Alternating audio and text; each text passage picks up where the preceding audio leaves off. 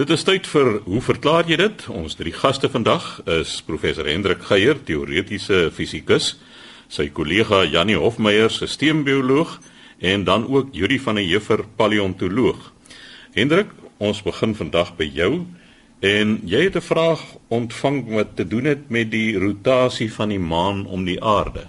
Ja, Chris, dit is inderdaad so. Ek uh, wil hier aan drie kort vragies of drie kort antwoorde eintlik probeer aandag gee. Die eerste is 'n reaksie op die vraag wat jy nou pas na verwys het wat ons van Charles Du Plessis van Verliersdorp gekry het.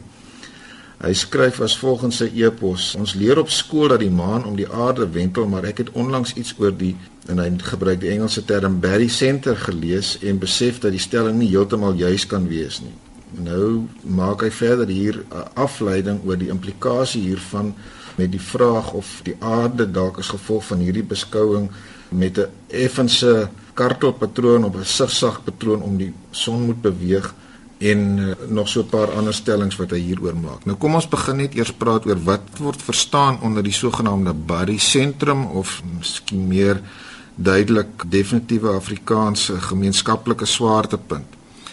As 'n mens dink aan hoe twee liggame mekaar via swaartekrag beïnvloed en dit was die klassieke probleem wat Newton destyds geanaliseer het met toepassing op die aarde-maan kombinasie dan word die stelling dikwels so aangebied dat wat jy aflei as jy nou weet dat die swaartekragwet 'n omgekeerde kwadraatwet is dit wil sê hoe verder voorwerpe wat mekaar met swaartekrag beïnvloed van mekaar is, hoe swakker is daardie krag en dit neem af met die kwadraat van die afstand. So as twee voorwerpe onder beskouing op een afstand mekaar beïnvloed en jy daardie afstand verdubbel, dan sal die krag tussen hulle met 'n faktor 4 afneem ensovoorts.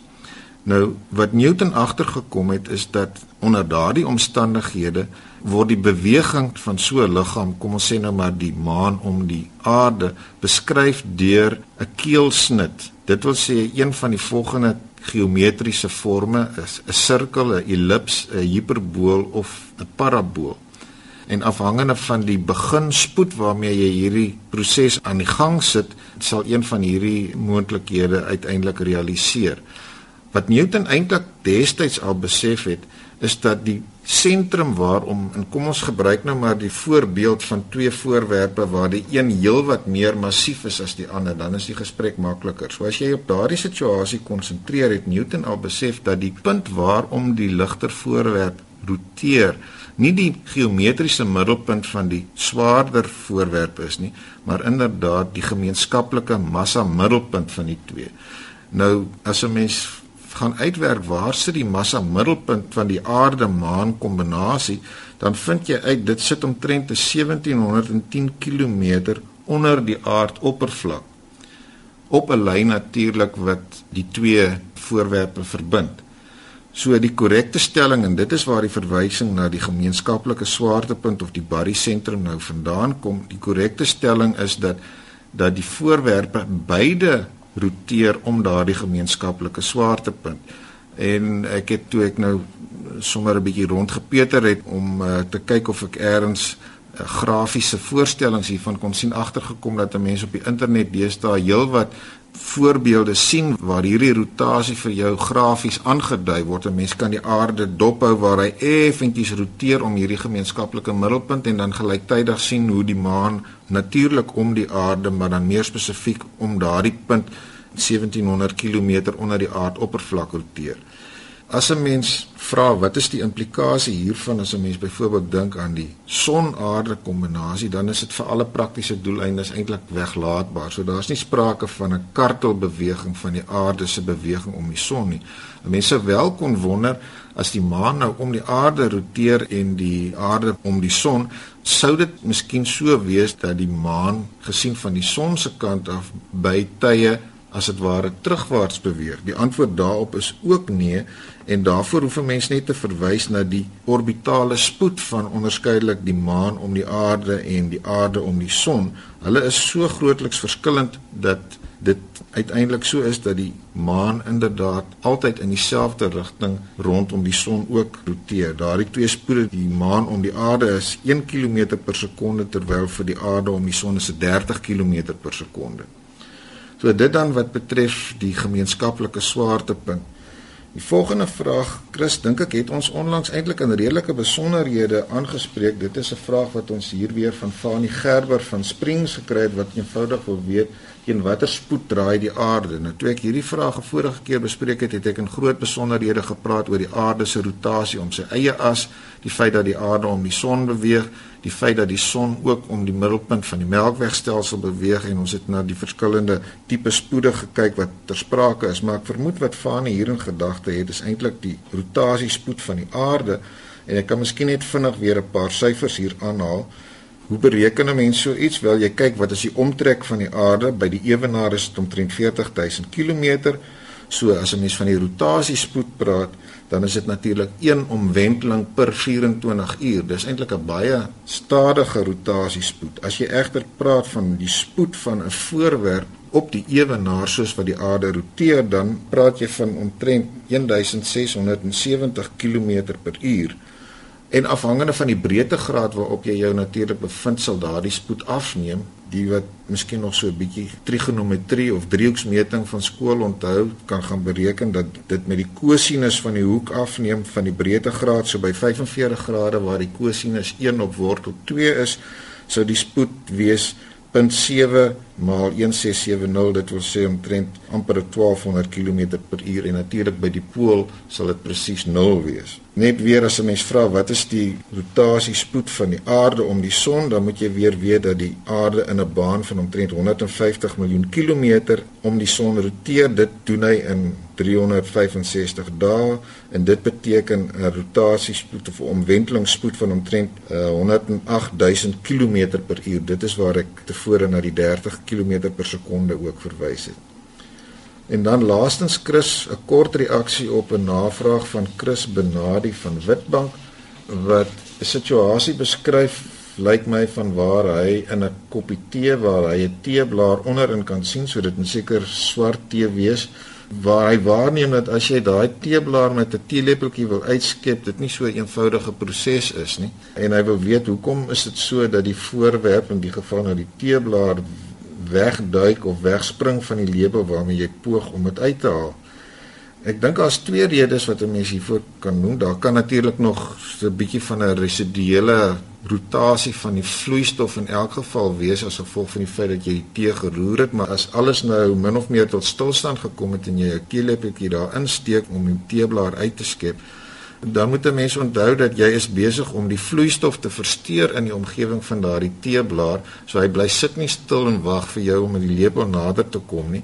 En 'n teeblaar is beïnvloedbaar genoeg deur daardie beweging wat jy met jou lepel veroorsaak om as dit ware die lepel te ontduik in die rigting waar jy oorspronklik gedink het om te skep.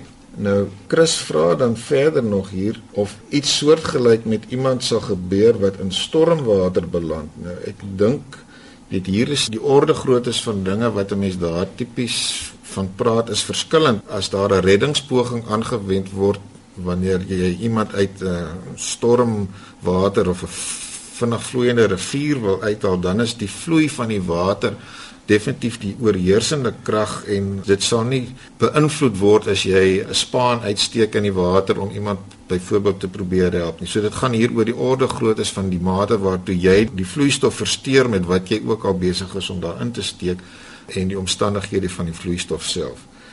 So ek is nie seker of dit nou al die vraagtekens in Chris se kop oor hoe voorwerpe in uh, vloeistof reageer beantwoord het nie, maar ek dink die belangrikste is eenvoudig dat as die voorwerp self maklik beïnvloed word deur die vloeistof se beweging, dan sal enige skeppoging nie so eenvoudig wees soos wat jy dit aanvanklik voorgestel het nie. Nou ja, ons het nou lekker tee gedrink saam met uh, professor Hendrik Geier, Jannie Hofmeyer. 'n Luisteraar word gepla deur die feit dat die botteltjies in sy bier blykbaar in die verkeerde rigting beweeg. Ja, Chris, dankie.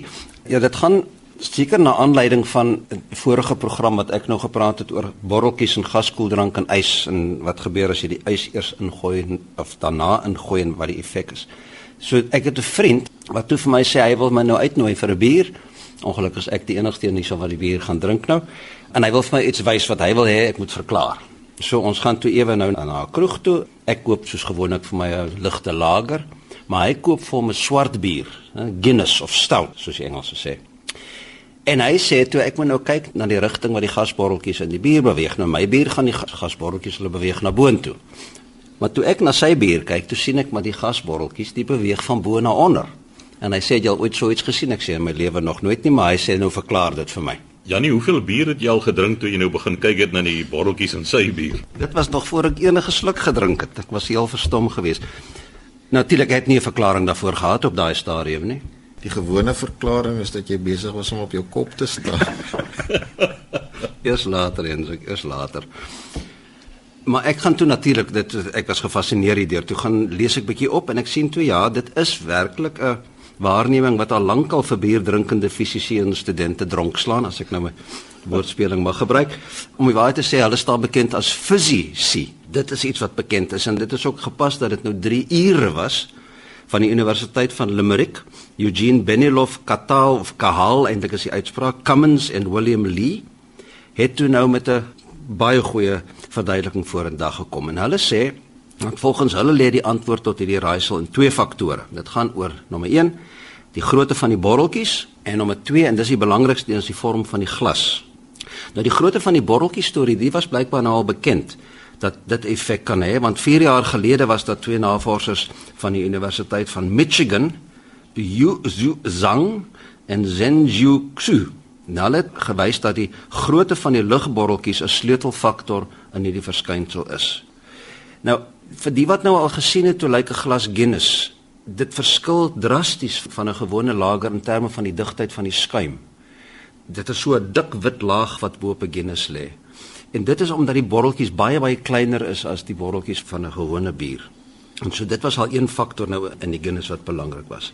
Nou wat gebeur is dat die botteltjies se grootte bepaal hoe vinnig hulle na boontoe beweeg. Hulle is baie ligter, hulle is baie kleiner, né? En hulle beweeg baie stadiger as groter bottels na boontoe. En dit is die opwaartse dryfkrag wat hier belangrik is, nee, die dryfkrag is te swakker hoe kleiner die botteltjie is. So as die water nou om een of ander rede vinniger in die teenoorgestelde rigting vloei as wat die botteltjies beweeg, dan gaan hierdie botteltjies wat klein is nou geforseer word om saam met die water te beweeg. So dis bier, water, hierdie kyk na my. Bier is waterig hierdie. Jy staan natuurlik in die ander gedeelte belang. So die vraag is nou natuurlik, wat kan moontlik 'n afwaartse vloei van bier die vloeistof in so 'n glas veroorsaak. En dis vir hierdie vraag wat die eerste navorsers nou 'n geloofwaardige antwoord verskaf het. Hulle sê mens moet so daaroor dink. Wanneer mens nou 'n gasbevattende drankie skink, dan vorm daar baie borreltjies op die bodem van die glas as die vloeistof nou die bodem tref en mens moet nou eenvoudigheidshalwe aanneem dat die borreltjies eweredig al oor die bodem vorm. So as dit so is, dan gaan hierdie borreltjies wat op die bodem lê gaan nou in 'n silindervorm begin opbeweeg deur die vloeistof omdat hulle nou ligter is as die vloeistof self. So as die glas nou silindries is, dan gaan niks hierdie beweging opwaarts van die botteltjie stuit nie. Maar dit is nou so dat die bierglase wat mens tipies ook 'n Guinness inskink, maar ook ander bierglase het nie 'n silindriese vorm nie. Hulle is gewoonlik nou onder en dan so so tot halfpad is hulle silindries en dan dui hulle uit en hulle is weier na boontoe. En dit is hierdie vorm wat blykbaar nou die bepalende effek het. En dit werk nou as volg. Sien dat hierdie botteltjies nou van die bodem af opbeweeg sodra hulle nou in die boonste gedeelte inkom is dan met ander woorde om die rande van die vloeistof is daar nou baie minder botteltjies as wat dan nou in die sentrale kolom is. So dis 'n belangrike faktor En dis nou hierdie kolombotteltjies in die middel wat nou 'n effek het op die botteltjies langs die kant. Want wat gebeur is die volgende, en mens moet besef nou dat soos wat 'n bottel deur 'n vloeistof beweeg, is daar 'n krag op die water, 'n sleurkrag. Dit trek so half met elke botteltjie trek dit water saam met die botteltjie saam, hè. So hierdie kolombottels wat nou van die onderkant af silindries op in die glas beweeg, die trek nou 'n klomp water saam. Want die water kan natuurlik nou nie bo by die bierglas uitborrel, dit moet iewers weer terugval en al plek waar dit kan terugval is langs die kante daar in die weier gedeelte. So met ander woorde daar is nou 'n terugvloei van vloeistof langs die kante bo in die glas. En die borreltjies wat daarin voorkom, die is nou baie ligter. Net soos gesê het, as die vloeistof vinniger beweeg as wat die borreltjies beweeg, dan trek dit nou weer die borreltjies saam. So daai afbewegende vloeistof trek nou die borreltjies na benede. En met 'n Guinness wat 'n donker bier is, sien mens nie die middelste borreltjies nie. Al wat jy kan sien is die borreltjies wat naby aan die glas se oppervlak is en dit is juist die wat nou besig is om af te beweeg. So mens het eintlik so 'n soort van as jy dink van onder af 'n vloei van borreltjies en dan kom hulle weer so half terug saam met die rand van die glas af. Nou natuurlik, dis 'n goeie verklaring, maar mense moet gaan toets en hulle het nou gesê wel een manier om dit te toets is om 'n omgekeerde glas te ontwerp. So hulle het wat hulle noem 'n anti-pint. Mens moet so Engels dit bier koop jy mos as 'n pint, né? So hulle het 'n anti-pint glas gemaak wat nou bo nou is en onderwyd. En toe het hulle voorspel dat die borreltjies in die geval nou altyd op gaan beweeg in die weier gedeelte, die onderste weier gedeelte en dit was inderdaad so. En natuurlik soos goeie wetenskaplikes het hulle nou wiskundige model daarvan gebou en dit met 'n rekenaar gesimuleer so hulle het 'n baie goeie verstaan nou van die gedrag van die borreltjies. So ek het nou toe vir my vriend gebel en vir hom kortliks hierdie verklaring oor die telefoon gegee en hy was toe heel tevrede en vir my nog 'n bier genooi. So daar is die storie oor die sinkende bierborreltjies. Dit was dan Jannie Hofmeyer, ons sisteembioloog met daardie verduideliking.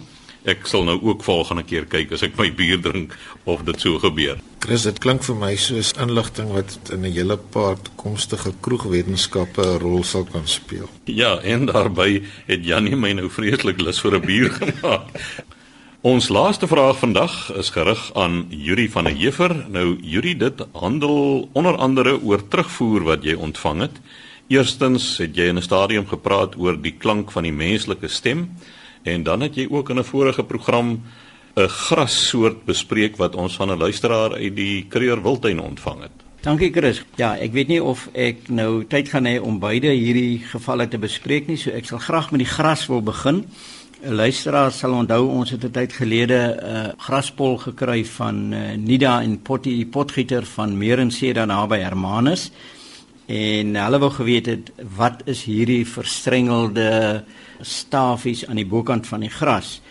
Ek het aanvanklik begin dink, ek het dit nog nooit van tevore gesien nie en ek het aanvanklik gedink dis dalk 'n nessie wat een of ander dier daar gebou het en toe begin navraag doen en uiteindelik het ek uitgekom by Gwyn Zambatis in die Kreur Wildtuin want Nida het gesê dat hulle omtrent 'n jaar gelede die graspolletjie gepluk het in die Kreur Wildtuin toe hulle daar op besoek gewees het. En al wat ek vir uh, Gwyn gesê het is 'n beskrywing van die gras. Ek het op daai stadium nie 'n foto gehad nie en my vermoede dat dit dalk 'n nessie kan wees. En uh, sy het toe 'n paar voorstelle gemaak en ook gesê dat uh, ek iemand anderster moet skakel, Duncan McFadden en vir hom het ek toe 'n uh, foto gestuur en hy het dit geïdentifiseer as as 'n gaaigras. Nou het ek terugvoer van Gwyn gekry. Sy sê haar man het na die program geluister en uh, hy wil toe by haar weet hoekom het sy nie geweet dat dit as 'n gaaigras is nie of uh, Heteropogon contortus want dis een van daai grasse wat so inboor in die grond as hulle voortplant of as jy soos uh, Gwyn sê as jy verbyloop in die veld in die Kreurwildtuin met stewels aan en dik sokkies dan boor die gras so in jou sokkies in dat dit in jou been kan ingaan en jou seermaak.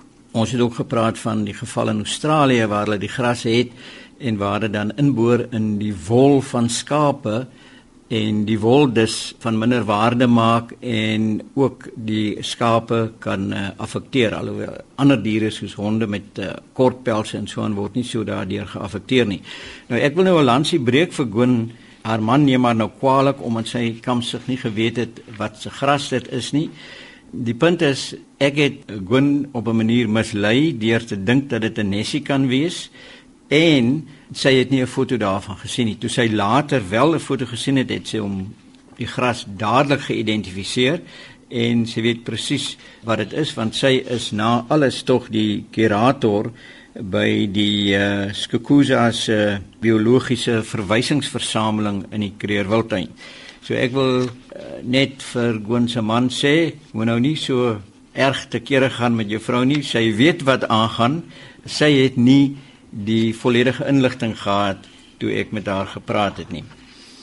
Dan Chris het ons 'n uh, brief ontvang van Andreas Alberts. Hy het weer geluister na die program waar ons gepraat het oor uh, stem en klank en sang en uh, hy wil nie 'n vraag vra nie, hy het net gesê hy wil graag 'n uh, paar idees bydra tot die besprekingsonderwerp oor stemgehalte en klank en spesifiek oor die vrae wat ontstaan het aan die einde van die gesprek. Hy reken dat 'n nuttige stuk gereedskap wat 'n mens kan gebruik om insig te kry oor wat in die frekwensiegebied aangaan van 'n spesifieke klanksyn is die Fourier transform wat die spektrale inhoud vir 'n mens gee. Volgens hom wanneer mens praat van 'n spesifieke noot se frekwensie, verwys mens na die basisfrekwensie daarvan. Sou hierdie noot egter net uit die basisfrekwensie komponent bestaan, sou die grootte versus tydplot daarvan suiwer sinusvormig wees en glad nie lekker op die oor val nie. Dink byvoorbeeld aan die gepiep van 'n tydsein voor die nuus. Dit is 'n sinusgolf van so om en by 800 Hz. Skoon sinusgolwe raak baie vinnig verskriklik skril en onaangenaam. Wat klanke interessant maak om na te luister is hulle harmonieke, veelvoude van die basisfrekwensie wat die noot saam voorkom in verskillende hoeveelhede en aan elke instrument sy eie karakteristieke klank gee dan sê hy dat die brein dan die vermoë het om dit te integreer tot een suiwer noot met 'n komplekse ryk klank. Die opmerking sê dat die orkes by 500 Hz speel is reg in die sin van 'n gemiddelde. Die spektrum is redelik goed belaai met inhoud van so 100 Hz af tot by amper 1000 Hz met note se basisfrekwensie. Die harmonieke in die 1000 tot 3000 Hz reeks is ook nog lekker sterk sagter klanke in daardie deel van die spektrum sal dan beslis uitgedoen word deur 'n orkes wat voluit speel. Harmonieke word sagter en ster weg soos wat hulle toeneem in frekwensie en die boonste deel van die spektrum is betreklik stil.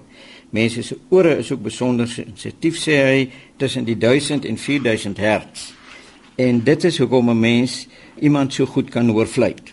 Laastens sê hy vooruit 'n lekker tik, wil ek net ook noem dat 'n mens logaritmies luister. Oktawe beteken 'n verdubbeling in frekwensie. So die oktaaf tussen 20 en 40 Hz is 20 Hz wyd, waar die oktaaf tussen 2000 en 4000 Hz 100 keer wyer in frekwensie is, maar steeds 'n oktaaf met 12 halfnote by. Dit plaas 3000 Hz amper aan die bokant van die frekwensiespektrum in terme van hoe klanke waargeneem en geprosesseer word deur die brein. En dan sê hy laastens in hierdie ingewikkelde beskrywing dat mense se auditiewe dinamiese bereik is eenvoudig absoluut verstommend. Volgens hom kan 'n mens 1 oktaaf sien, maar 10 oktawe hoor. Hy sê hy is nie so seker wat die visuele vergelyking is nie, maar met die oor kan 'n mens klanke wat 120 desibel, 'n miljoen keer sagter is as die hardste klank voor moontlike oorskade geïdentifiseer word, uitken. Groetnis en 'n aangename dag vir almal. En fluit fluit daar is jou storie nou uit. Dit was dan Yuri van der Heever, ons paleontoloog. Daarmee het ons aan die einde gekom van vandag se program. Skryf gerus aan ons, stuur vrae aan hoe verklaar jy dit?